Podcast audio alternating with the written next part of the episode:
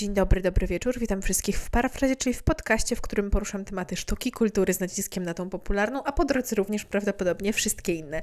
Ja mam na imię Gabi, a to jest odcinek, w którym porozmawiamy sobie o motywie wybuchu elektrowni atomowej w Czarnobylu w dwóch książkach i serialu. Zapraszam. Straszliwie dawno nie mówiłam do mikrofonu. Trochę zdążyłam się już za tym stęsknić. Mam nadzieję, że nie macie mi tego za złe.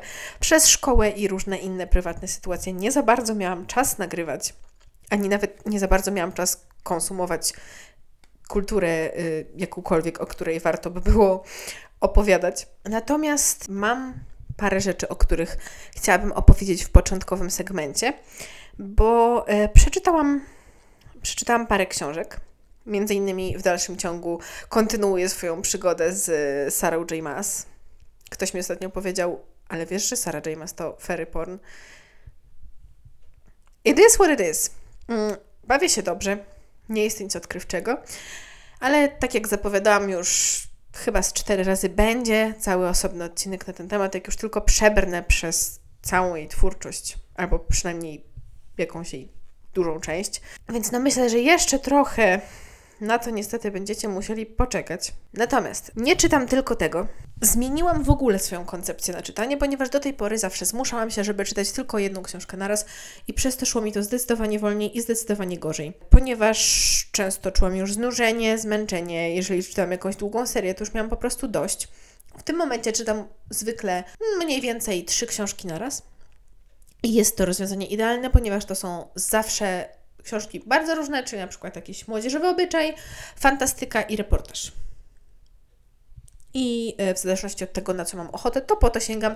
I ja te wszystkie trzy książki czytam w takim tempie, w jakim kiedyś zdarzało mi się czytać jedną. I dzisiaj Wam opowiem o, e, o paru właśnie książkach, które zaczęłam i które przeczytałam w tym czasie. Przeczytałam Wyspę Kobiet. E, napisała to Lauren Grove. Jest to historia, jest to powieść yy, historyczna,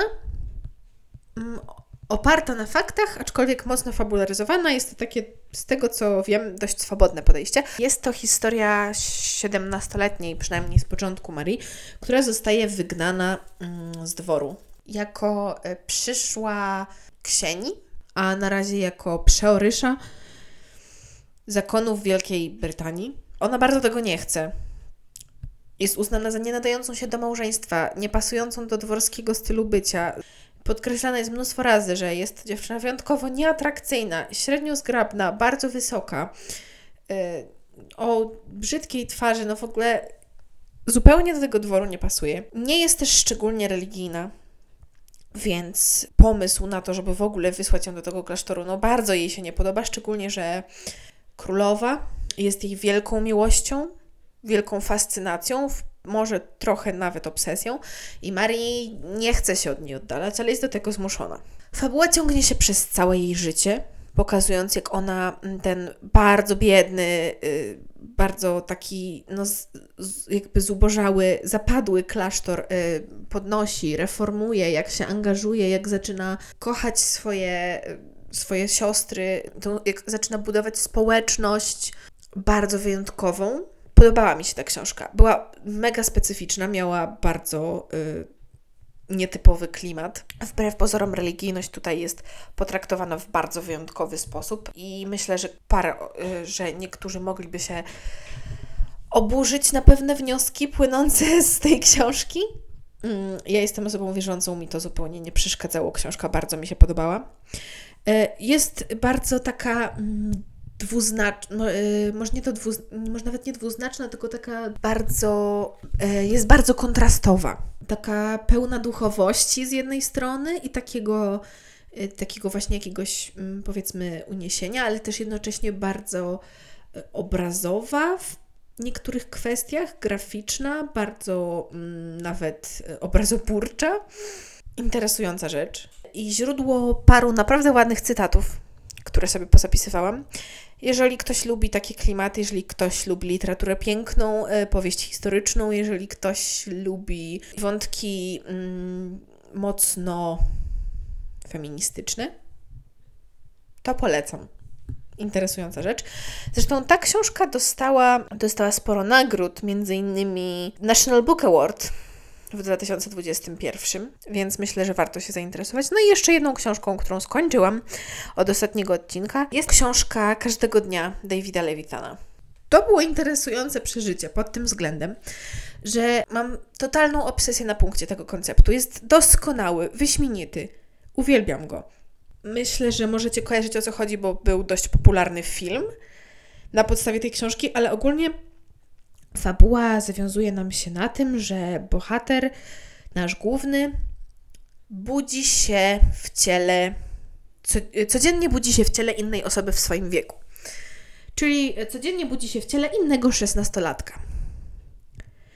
Działa to w ten sposób, że są to, z tego co zrozumiałam, bo to przez długi czas było niejasne, są to nastolatkowie z mniej więcej jednej okolicy, w sensie on cały czas tkwi w jednym stanie, że tak to powiem. Czyli są to jakby nastolatkowie w obrębie jednego stanu, jednakże A, ponieważ główny bohater nazwał się A, jakby nigdy nie budzi się dwa razy w ciele tej samej osoby, więc kiedyś ci nastolatkowie się kończą, że tak to nazwę. I wtedy jakby coraz dalej się jakby oddala od, od tego miejsca, w którym się znalazł. E, wywnioskowałam to po tym, że w pewnym momencie budzi się w ciele osoby, która danego dnia ma wylecieć na Hawaje. On wtedy coś mówi właśnie w stylu, że, że wtedy budziłby się w ciałach osób, które są na Hawajach. I żeby wrócić w to samo miejsce, musiałby się znaleźć w ciele kogoś, kto, kto wraca z powrotem do tego stanu. Tak to wygląda. I strasznie mnie to właśnie interesowało, jak to wygląda, jak działa jego życie. No tylko, że to, to nie do końca jest klucz tej opowieści, bo klucz tej opowieści jest romans. Ponieważ A, budząc się któregoś dnia w ciele Jasona, zakochuje się w jego dziewczynie. E, w sensie budzi się w ciele chłopaka imieniu Jason i ten Jason ma dziewczynę. I A spędza z nią dzień w ciele jej chłopaka i bardzo, e, bardzo ona mu się podoba. Do tego stopnia, że odnajduje ją również w swoim kolejnym ciele. No i tam toczy się fabuła. Szczerze mówiąc, ten romans ani trochę mnie nie obchodził. E, ta dziewczyna Rhiannon jest całkiem sympatyczna. Nic do niej nie miałam, nie denerwowała mnie. E, chociaż niektóre rzeczy, które bohaterowie decydowali się, żeby robić, były dziwne i niekomfortowe. Tak to wygląda. No, interesował mnie głównie ten aspekt budzenia się cały czas w nowym miejscu i nowym ciele. Tam były różne fajne akcje z tym związane. Na przykład a któregoś dnia budzi się w ciele osoby poważnie uzależnionej od narkotyków albo w ciele osoby, y, w ciele osoby trans, albo w ciele osoby z ciężką depresją. Uważam, że to był bardzo ważny, mądry rozdział, ponieważ pokazuje, że depresja to nie jest tylko choroba duszy, jak to się mówi, tylko że depresja też wynika z tego, co się dzieje w naszym ciele, czyli z pewnych mm, niedoborów hormonów w mózgu, w dużym skrócie a mózg jest częścią ciała, więc A budząc się w ciele osoby z depresją, odczuwa to samo co ona. I, i to, to było to, co mnie fascynowało, to było to, co ja chciałam wiedzieć. Czyli na przykład jeszcze też jakieś takie moralne dylematy, rzeczy w stylu to, czy jeżeli A będzie z kimś uprawiał seks, to czy w ogóle ma do tego prawo? Ponieważ nie jest w swoim ciele, czy ma prawo zarządzać ciałem, które następnego dnia jakby wraca do danej osoby i ta osoba ma wspomnienia z tego dnia, mózg tej osoby wytwarza takie wspomnienia, żeby to pasowało do całego obrazka. To jest bardzo wygodne rozwiązanie, ponieważ e, A robi parę dziwnych rzeczy w tych ciałach, to znaczy, no, y, te ciała nie do końca pamiętają Rhiannon w takim samym kontekście jak on, mimo że on się w tych ciałach z nią spotyka. On troszkę może modyfikować te wspomnienia, które oni będą mieli następnego dnia. To jest wszystko, mm, to nie są do końca spoilery. To są takie pewne mechanizmy, które zaobserwowałam. No, yy, ogólnie fabuła jest dość wciągająca i yy, polecam. Polecam, jest to interesująca młodzieżówka. Mam wrażenie bardzo przyjęta jako heteroromans, a główny bohater dość wprost mówi o tym, że nie do końca utożsamia się z żadną z płci, skoro budzi się w ciałach zarówno kobiet, jak i mężczyzn. Uważam koncept za doskonały, wykonanie niestety za odrobinę gorsze, chociaż wciąż godne polecenia. Jeżeli chodzi o to, co oglądałam, to mam wrażenie, że odcinka mogło nie być tak bardzo dawno i tak bardzo długo, że nie opowiadałam Wam jeszcze o Batmanie. No, istnieje taka, wydaje mi się, że Wam nie opowiadałam o Batmanie, a byłam na Batmanie. Bardzo mi się podobał. Z początku miałam trochę popsuty mm, wieczór w kinie, bo mieliśmy bardzo średnie towarzystwo z przyjaciółmi za nami. Były osoby potwornie głośne i chyba nietrzeźwe, które tak przeszkadzały. Błagam ludzi, jeżeli jesteście pijani, to nie idźcie do kina. Proszę. Ale potem na szczęście sobie wyszli i mogłam się już w spokoju y, zająć oglądaniem.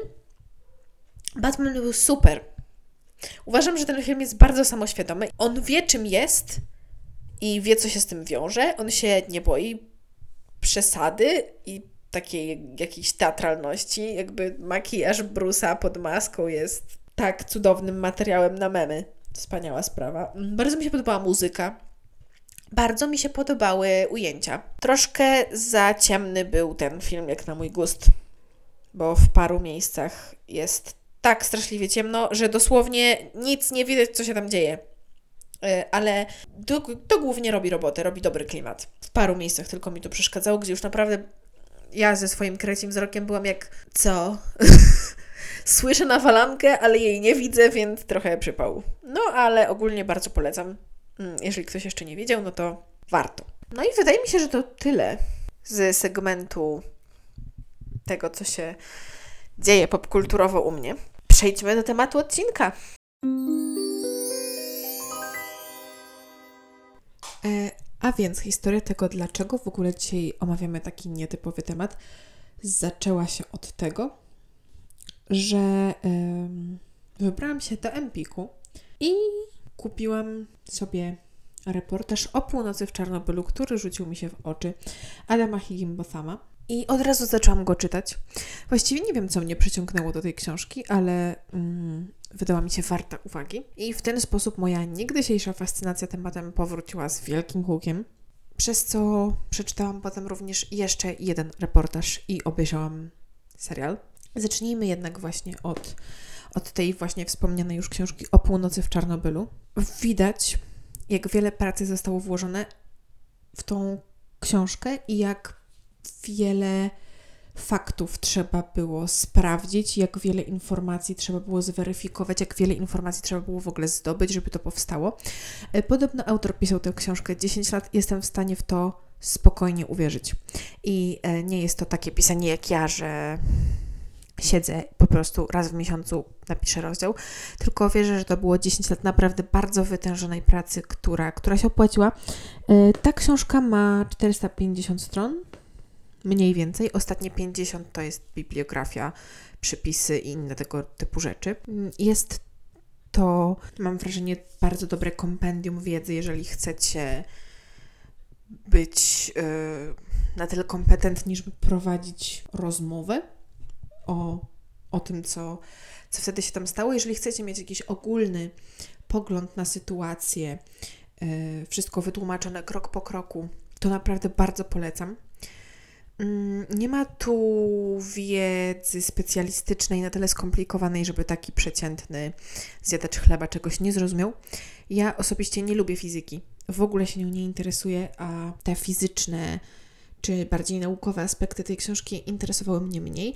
Mimo wszystko uważam, że było że były przedstawione i e, napisane na tyle prosto i interesująco, że, że spokojnie wszystko zrozumiałam. I to, co mi się tak bardzo w tym reportażu podoba, to to, że właśnie to nie jest po prostu garść informacji rzucona w czytelnika i, i, i zróbcie sobie z tym, co chcecie. Nie. Tutaj jest wszystko po kolei od taki, po, takich powiedzmy mini biografii, pewnego rodzaju mm, ciekawostek na temat pracowników elektrowni, e, którzy byli wtedy na nocnej zmianie, czy na temat strażaków, którzy ten pożar gasili. Takich bardzo e, charakterystycznych postaci skupionych wokół tej katastrofy. Oczywiście cały zarząd elektrowni, mamy opisanych y, wielu ważnych urzędników, którzy podejmowali decyzje w sprawie Czarnobyla i późniejszej likwidacji skutków tego wybuchu. E, więc mamy tutaj ten czynnik ludzki, mamy ten e, czynnik nauki, czynnik fizyczny, czyli to, o czym już wspomniałam, że cały, mamy wytłumaczony cały mechanizm działania elektrowni, mamy wytłumaczony mechanizm produkcji prądu w elektrowniach atomowych, ale też to, co tam e, się zadziało minuta po minucie, co nie zadziałało, dlaczego w ogóle do katastrofy doszło, wszystkie zachodzące tam reakcje, no i skutki tego, że, że ten reaktor wyleciał w powietrze. I mamy też to, co tej książce udało się najlepiej, czyli kwestia socjologiczno-społeczna. To jest książka nie tylko o katastrofie w Czarnobylu, to jest książka nie tylko o ofiarach tej katastrofy, to jest książka o, o tym, jak ten wybuch wpłynął na społeczeństwo, na całe państwo. Tutaj jest naprawdę bardzo dużo polityki. Polityki, e, pewnych powiązań, pewnych mechanizmów czy, czy procedur obowiązujących w tamtym czasie w Związku Radzieckim i dla mnie to było najbardziej interesujące. Wielu uważa, że ten wybuch był jedną z głównych przyczyn upadku Związku Radzieckiego. No, prawdę mówiąc, się nie dziwię. Ta książka wywołuje inne przemyślenia niż się z początku spodziewałam i zadawałam sobie zupełnie inne pytania na początku czytania jej, niż myślałam, że będę sobie zadawać. To nie jest reportaż, który porusza, przynajmniej mnie nie poruszył w tym sensie, że nie byłam wzruszona, że nie byłam. Yy, nie byłam jakby smutna, nie byłam wstrząśnięta efektami tego wszystkiego. Byłam wstrząśnięta w nieco innej kwestii, ponieważ ym, pierwszy rozdział opisuje w ogóle budowanie tej elektrowni yy, i to, jak tworzone były reaktory RBMK, czyli te, czyli reaktory tego typu właśnie jak w Czarnobylu. I szczerze, nie zadawałam sobie pytań w rodzaju dlaczego, jak to się stało, jak to było w ogóle możliwe. Nie. Pytania, które sobie zadawałam przy czytaniu tej książki, to były bardziej pytania w stylu: O mój Boże, jakim cudem to nie pierdolnęło wcześniej. Związek Radziecki to było państwo zbudowane na absurdzie. Jest to dla mnie niesamowite. Widzę w naszym własnym kraju czasami podobne y, mechanizmy zachowań. Mam wrażenie, że to jest jakaś, jakiś słowiański problem, ale tutaj to jest y, po prostu pociągnięte do granicy całkowitej niedorzeczności. To jest niesamowite. To jest niesamowite, jak, jak strasznie ciężko było wyrwać się z tej radzieckiej machiny idiotyzmu. To znaczy z, z, z, tego takiego kręgu, który zaczynał się od tego, że coś postanawiano i ten rozkaz szedł niżej, już niewykonywalny, po prostu niemożliwy do wykonania. Władza przekazywała go niżej i to było przekazywane coraz dalej i coraz dalej, i ponieważ nie, jakby postanowienie i rozkaz był niemożliwy do wykonania, to oczywiście nie zostawał wykonywany. Ale meldowano coś zupełnie innego i ten kłamliwy raport przekazywano coraz wyżej, aż do samej władzy, i wszyscy wierzyli, że jest w porządku, że wszystko zostało zrobione, że wszystko jest super, ponieważ nikt w środku, nikt po drodze nie odważył się wyłamać i powiedzieć: Ej, no nie, nie jest zrobione. Ponieważ wszyscy, wszyscy przekazywali to dalej w nadziei, że wina nie spadnie na nich. I mówię tutaj o takich, takich po prostu, po takiej absolutnej głupocie, jak na przykład to, że dach elektrowni zalewano łatwopalnym materiałem tylko dlatego, że był tani i łatwo dostępny, a robotnicy dostali zupełnie niemożliwy deadline. Jak na przykład to, że dyrektor elektrowni musiał podpisać dokument zaświadczający o tym, że ona już może pracować i niejako otworzył ją bez przeprowadzenia wszystkich testów bezpieczeństwa, jakie musiał przeprowadzić w celu otwarcia, ponieważ władze oczekiwały, że elektrownia będzie otwarta wtedy i wtedy. I on wtedy i wtedy tą elektrownię otworzył z wciąż zaległym, bardzo ważnym testem bezpieczeństwa, na który zwyczajnie nie było czasu. Mowa też o tym, jak wewnątrz tego reaktora paliwo było y, bardzo średniej jakości, y, bo, bo też nie było pieniędzy ani, ani czasu na ściągnięcie z zagranicy lepszego. Mowa o tym, jak cholerny wicedyrektor całego tego bajzlu nawet nie był fizykiem. Ba, bardzo niewielu ludzi w zarządzie było faktycznie związanych z fizyką jądrową. To głównie Nikołaj Fomin, wicedyrektor, był elektrykiem, a poza tym bardzo przykładnym obywatelem i towarzyszem, więc w nagrodę wsadzili go w zarząd. Kurs z fizyki jądrowej robił korespondencyjnie. Jakim cudem to miało działać bez katastrofy? Reaktory miały bardzo poważne, y, bardzo poważną wadę fabryczną, polegającą na tym, że ok, teraz się zrobi odrobinę naukowo.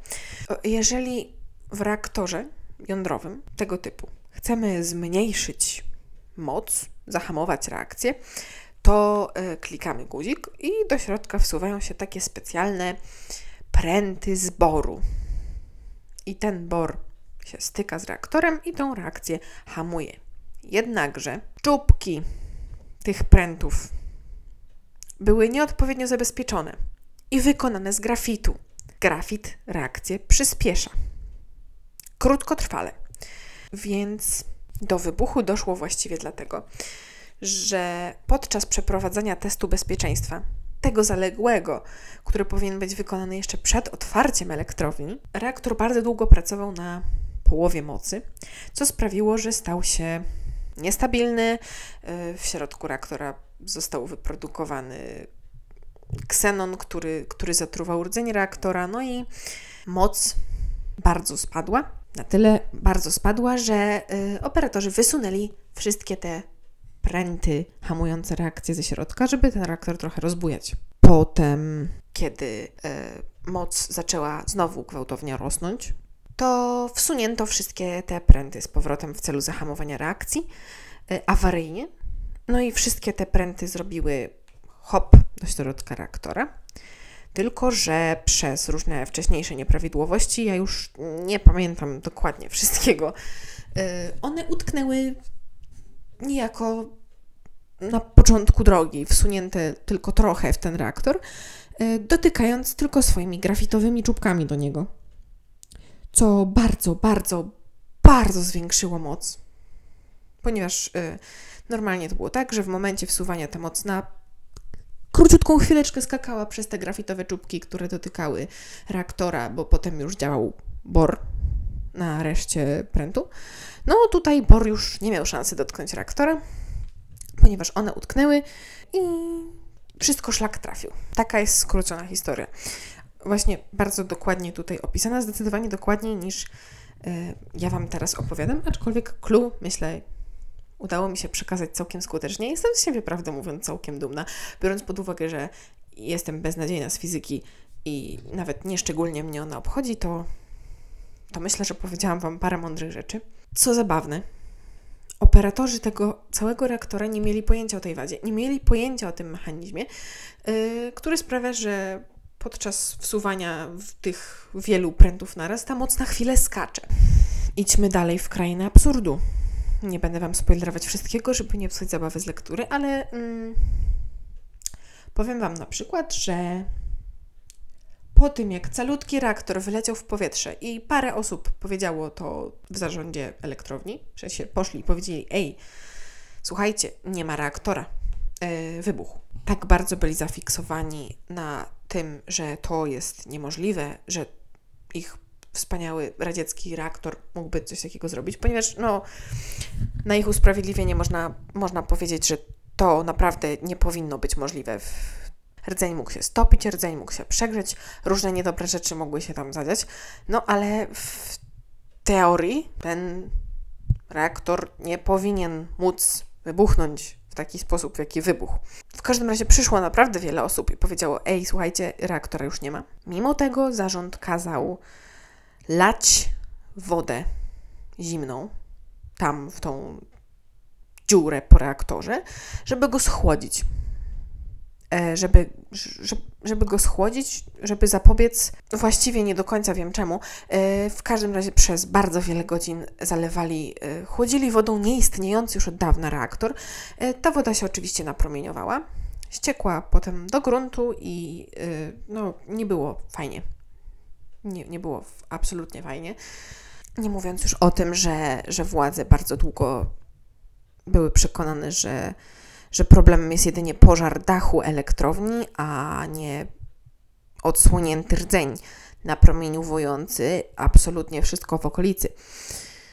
Mm, no mamy, mamy oczywiście opisy mm, skutków choroby popromiennej, mamy opisy mm, tego, jak potem przebiegała likwidacja, likwidacja skutków wybuchu, czyli dosłownie zrywanie metrów ziemi i zakopywanie ziemi w ziemi, ścinanie hektarów lasu, y, potem budowanie tego cholernego sarkofagu wokół elektrowni, który stoi do dzisiaj, odstrzeliwanie napromieniowanych zwierząt, ewakuacja przeprowadzona o wiele, o wiele za późno.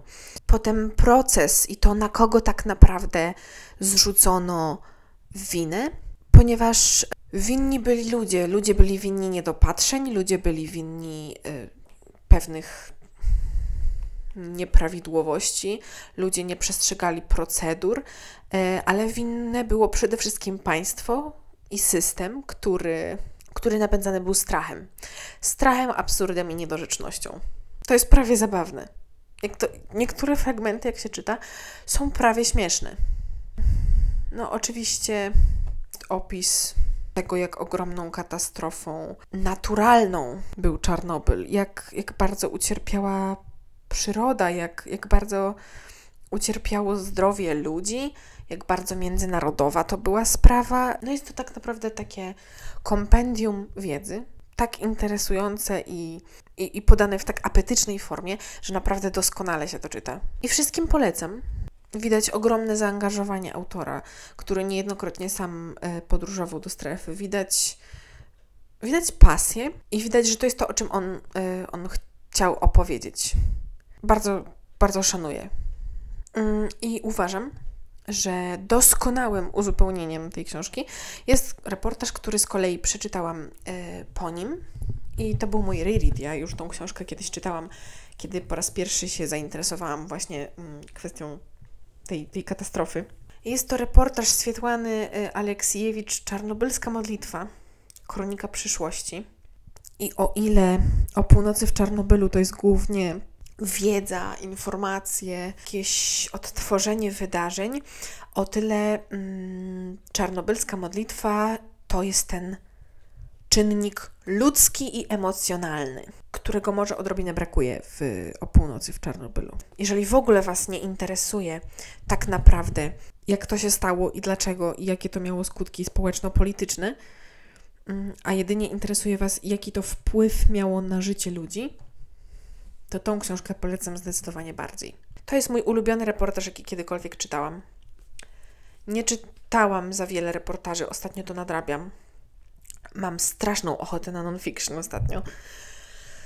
Ale myślę, że bardzo, bardzo będę chciała czytać y, panią Aleksiejewicz dalej. Mam jeszcze jedną jej książkę na półce i na pewno będę chciała kupić więcej, bo, mm, bo to, co ona robi, jest doskonałe. To są, to książka to jest zbiór rozmów rozmów z ludźmi, którzy w różnoraki sposób zostali e, tą tragedią dotknięci. Z Białorusinami głównie, ponieważ jest to e, naród mm, autorki, z Ukraińcami, z Rosjanami. Tak naprawdę to jest, e, to jest podejście od każdej jednej możliwej strony. Każdy, kto w jakiś sposób mógł zostać dotknięty tym, co się tam stało, się tu pojawia. Każda, każdy możliwy reprezentant są tu rozmowy z dziećmi, które dorastają w strasznych okolicznościach. To są, y, to są dzieci, które boją się wyjść na trawę, które boją się dotknąć, do, dotykać roślin, które, które boją się niejako świata, w którym żyją. To są żony likwidatorów i strażaków, którzy pracowali przy, którzy pracowali przy likwidowaniu y, skutków wybuchu, szczególnie pierwszy rozdział jest niesamowicie poruszający. To jest historia Ludmiły Ignatienko, jednej z głównych bohaterek serialu, o którym wspomnę za chwilę.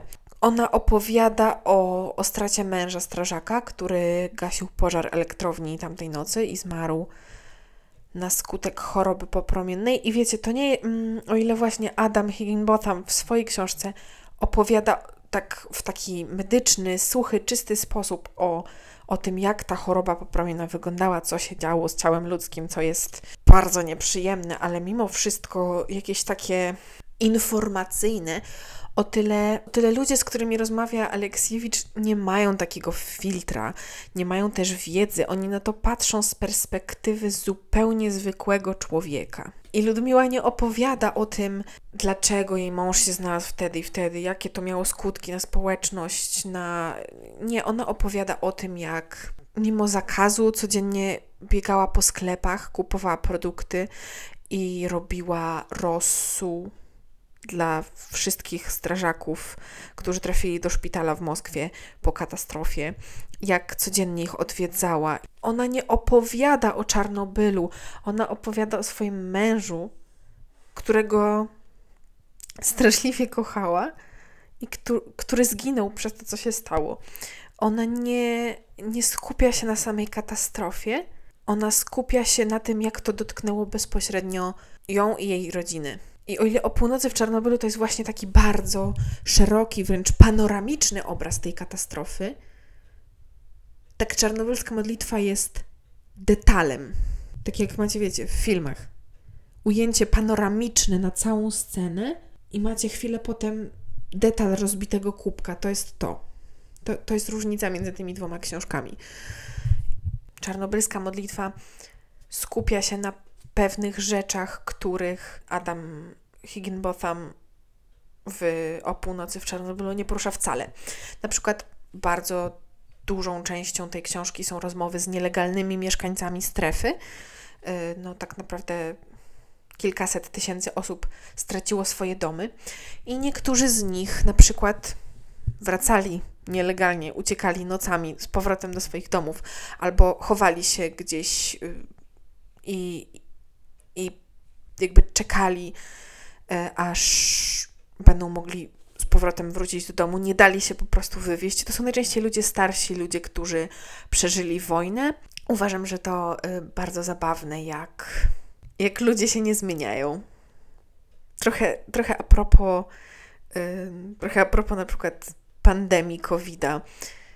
Niektóre wypowiedzi, powiedzmy może słabiej wyedukowanych osób, e, z którymi rozmawiała e, Swietłana Aleksiejewicz, można by dosłownie wyciąć i wkleić w kontekst pandemii i, i nie byłoby żadnej różnicy. W sensie mówię tutaj o wypowiedziach w stylu, że o, jakie tam promieniowanie to wszystko media wymyśliły. Nic nam nie grozi. Oni, oni to wszystko robią, żeby zabrać nam naszą wolność.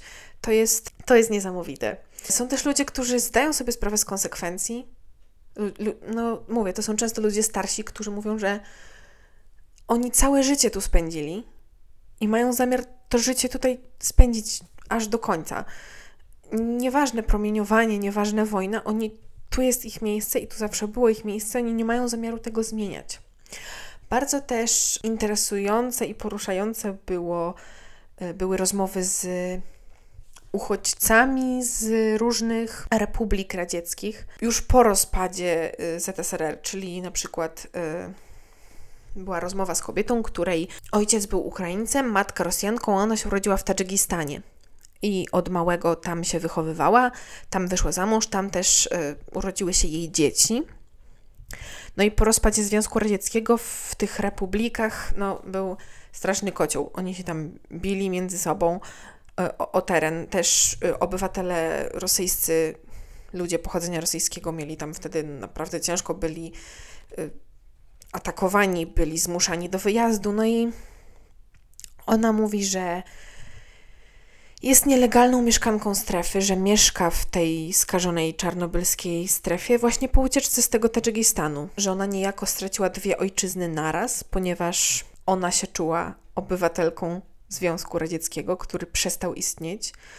E, z Tadżykistanu ją wypędzono w paszporcie zostało jej, wpisane, zostało jej wpisane obywatelstwo rosyjskie, ale ona Rosjanką się nie czuje i że nie wie, jak ma się określać. Potężny kryzys tożsamościowy. No i opowiada o tym, że na pytanie, dlaczego w ogóle przyjechała w to miejsce, odpowiada, że ludzie jej mówili, że to jest samobójstwo, że ona naraża swoje dzieci na śmierć, na, na choroby, że, że promieniowanie. I ta kobieta odpowiada, że bardziej niż promieniowania boi się drugiego człowieka z karabinem, który może ją postawić pod ścianą w każdej chwili.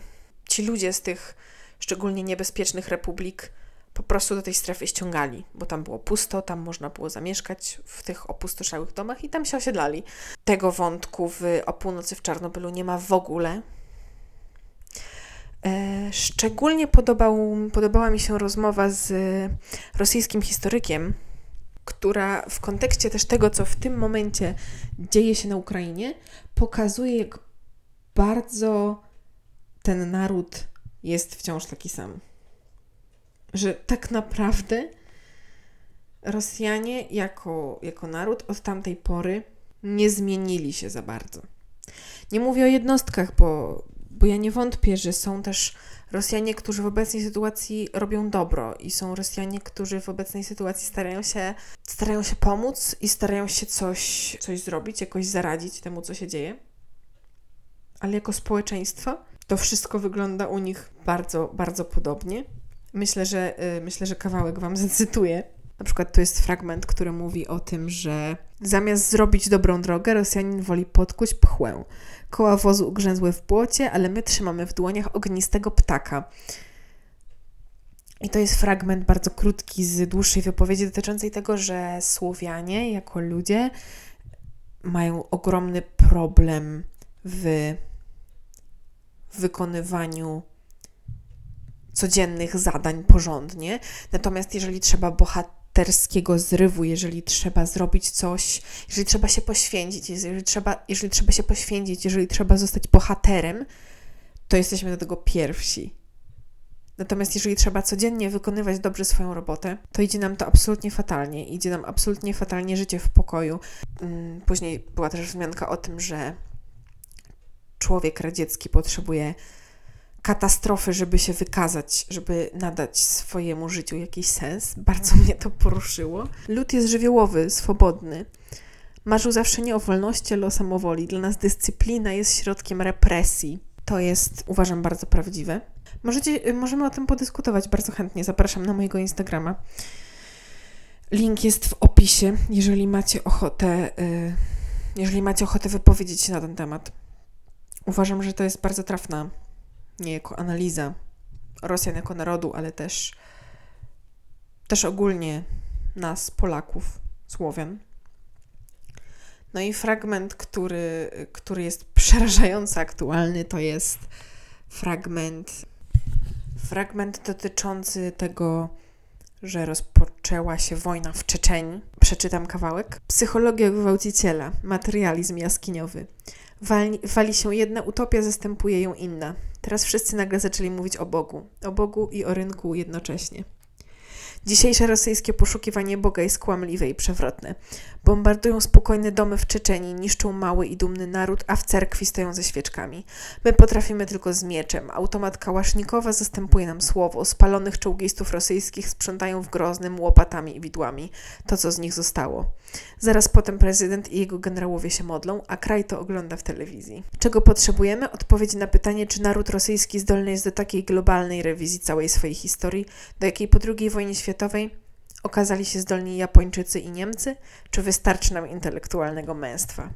To jest pytanie zadane przez historyka Aleksandra Riewalskiego i myślę, że w kontekście tego, co dzieje się dzisiaj i jak na to społeczeństwo rosyjskie reaguje, e, myślę, że odpowiedź możemy już sobie spokojnie wywnioskować sami. Nie chcę oceniać, ale, e, ale uważam, że kontekst tej katastrofy e, dobrze się nadaje do do pokazania pewnych mechanizmów wśród ludzi. Czarnobylską modlitwę absolutnie polecam. Jest to mój ulubiony reportaż, jaki kiedykolwiek czytałam. jest pełen historii ludzkich, wzruszających, niektórych nawet zabawnych, niektórych wstrząsających. Są historią młodych chłopaków, którzy opowiadali, że, którzy mówią, że zostali wsadzeni w autobus i wysłani na ćwiczenia wojskowe, co też jest porażająco, co też jest przerażająco aktualne, że, że wsadzono ich w autobus, powiedziano, że jadą na ćwiczenia wojskowe, a potem musieli łopatami sprzątać z napromieniowanego dachu grafit, a potem pięć lat później umierali na białaczkę.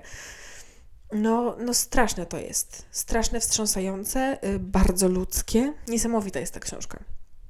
Bardzo się cieszę, że przeczytałam ją jeszcze raz, ponieważ kiedy sięgnęłam po nią po raz pierwszy, mam wrażenie, że byłam za mała, za młoda bo to było już z 3-4 lata temu, więc miałam jakieś 14 lat. Nie uważam, żeby ta książka nie nadawała się dla. Nie uważam, żeby była na tyle brutalna i jakaś taka straszna, żeby 14-latek nie mógł jej przeczytać, ale no to jest dla ludzi o troszkę mocniejszych nerwach, to po pierwsze. Po drugie, wydaje mi się, że starsza osoba zdecydowanie więcej z tej książki wyciągnie właśnie takiego polityczno-społecznego kontekstu. Myśl, myślę, że osoba starsza więcej się z tego nauczy, więcej z tego wyciągnie, dostrzeże po prostu więcej takich niuansów i powiązań dla siebie. Jeżeli nie chcecie o tym czytać, to jest też mini serial na HBO, który dostał kupę nagród i był dość głośny, kiedy wychodził. Ja też go już oglądałam, ale specjalnie na potrzeby tego y, odcinka dokonałam rewatchu i jestem zachwycona, ponieważ uważam, że serial, y, całą tą wiedzę, którą można zaczerpnąć właśnie z O północy w Czarnobylu, przedstawia w bardzo prosty i taki czytelny sposób, jednocześnie bardzo profesjonalnie. Mm, no też pomaga zobrazować niektóre kwestie, których sobie nie wyobrażamy. Nie jesteśmy sobie w stanie wyobrazić. Genialną obsadę aktorską ma. Bardzo dobrą obsadę aktorską mamy. Jest tam taki aktor, którego nie widziałam w żadnym innym serialu, a yy, który ma tak wspaniały głos. Ja nawet nie muszę go widzieć. Grunt, żeby go było słychać. To jest Ralph Ineson. Gra tam też na przykład Emily Watson w roli Uliany Homiuk. Jest to akurat postać fikcyjna, mm, reprezentująca bardzo wielu naukowców pracujących z Walerijem Legasowem. Jest to jakby uosobienie kilkunastu osób, które pomogły w pokazaniu prawdy o tym, co spowodowało tak naprawdę tą katastrofę. To było kilkanaście osób, które, mm, które były odpowiedzialne za pokazanie prawdy na temat tej usterki z grafitowymi czubkami borowych y, prętów. Postać Uliany Homiuk jest nimi wszystkimi w jednej osobie, co jest zaznaczone w napisach w ostatnim odcinku serialu. Y, właśnie byłam zdziwiona, że w żadnej z książek nie, było, nie była ona wspomniana, no a potem zorientowałam się dlaczego. Uważam, że to całkiem sprytny zabieg. Valerie Legasow, grany przez Jareda Harrisa, jest postacią niesamowicie ludzką, bardzo prawdziwą. Tak samo Borys Szczerbina, którego wcielił się Stellan Skarsgård. Dynamika tych dwóch postaci i ich interakcje między sobą to jest chyba moja ulubiona rzecz, bo Legasow jest naukowcem, a Szczerbina jest politykiem, urzędnikiem i, i zadaniowcem. Ich interakcje między sobą e, są mistrzowsko rozgrane. Anatolii Diatłow jest taką postacią, która mam wrażenie jest bardzo wierna e, oryginałowi ponieważ był on opisywany jako bardzo nieprzyjazny, nieprzyjemny człowiek, który bardzo średnio traktował swoich współpracowników. Mm. E, Paul Ritter spisał się w tej roli doskonale. Mamy też niesamowitą, najpiękniejszą na świecie e, Jessie Buckley w roli Ludmiły Ignatienko. Chociaż tutaj trzeba zaznaczyć, że prawdziwa Ludmiła została bardzo niedobrze potraktowana przez twórców serialu, ponieważ e, ta kobieta nadal żyje. Mieszkała z synem w Kijowie. No i ona twierdzi, że, że tak naprawdę nigdy nie poproszono jej o zgodę i nie zapytano o to, czy taki serial, niejako o niej, bo ona jest jedną z głównych postaci tam, czy taki serial może zostać w ogóle nakręcony. Powiedziała, że dzwonili do niej ludzie z produkcji i pytali o różne rzeczy jako konsultantkę, ale nigdy nie uściśnili, że ona będzie jedną z głównych bohaterek tam. E, no ogólnie wypowiadała się o serialu raczej dość gorzko, że że musiała wyprowadzić się z Kijowa, że, że była bardzo napastowana, y, że po prostu któregoś dnia rano dostała informację, że powstał taki i taki serial, w którym, który jest o niej. I y, produkcja z kolei twierdzi, że, że Ludmiła została poinformowana o tym i że nie ma powodów do pretensji. Ja uważam, że, że jednak w tej historii najważniejsza powinna być ona. I powinno to zostać zrealizowane w taki sposób, żeby ofiary nie czuły się urażone ani pokrzywdzone. Jednak jeżeli ona y, nie do końca była świadoma tego, co się dzieje i, i wręcz musiała porzucić swój dom y, przez to, że ten serial powstał, no to uważam, że ten wątek był doskonały i że że aktorka zrobiła doskonałą robotę, aczkolwiek e, no jest to wobec, wobec pani Ignatienko bardzo nie fair i bardzo niesprawiedliwe, jak została potraktowana. E, nie podobało jej się też do końca, jak został przedstawiony jej, jej mąż w serialu. Mówiła, że, że nigdy nie krzyczał, że nigdy nie, nie marudził, że do końca się uśmiechał. Oczywiście to wszystko przedstawione zostało w taki, nie inny sposób, żeby może trochę podkręcić dramatyzm, to raz, dwa, że takie reakcje, jakie były przedstawione w serialu, byłyby jak najbardziej naturalne, tylko że, że no co z tego, tak? W przypadku produkcji, które niejako zarabiają, na, przedstawiają czyjąś tragedię i na niej zarabiają, powinny y, otrzymywać przed publikacją bezwzględną autoryzację, której tutaj niestety zabrakło. Mm. No i oczywiście bardzo współczuję takiej sytuacji. Mimo wszystko serial bardzo polecam. Jest doskonale zrobiony.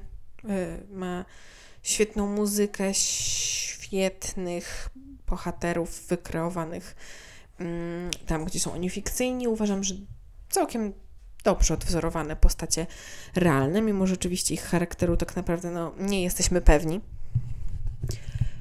Doskonale są też nakręcone yy, ujęcia.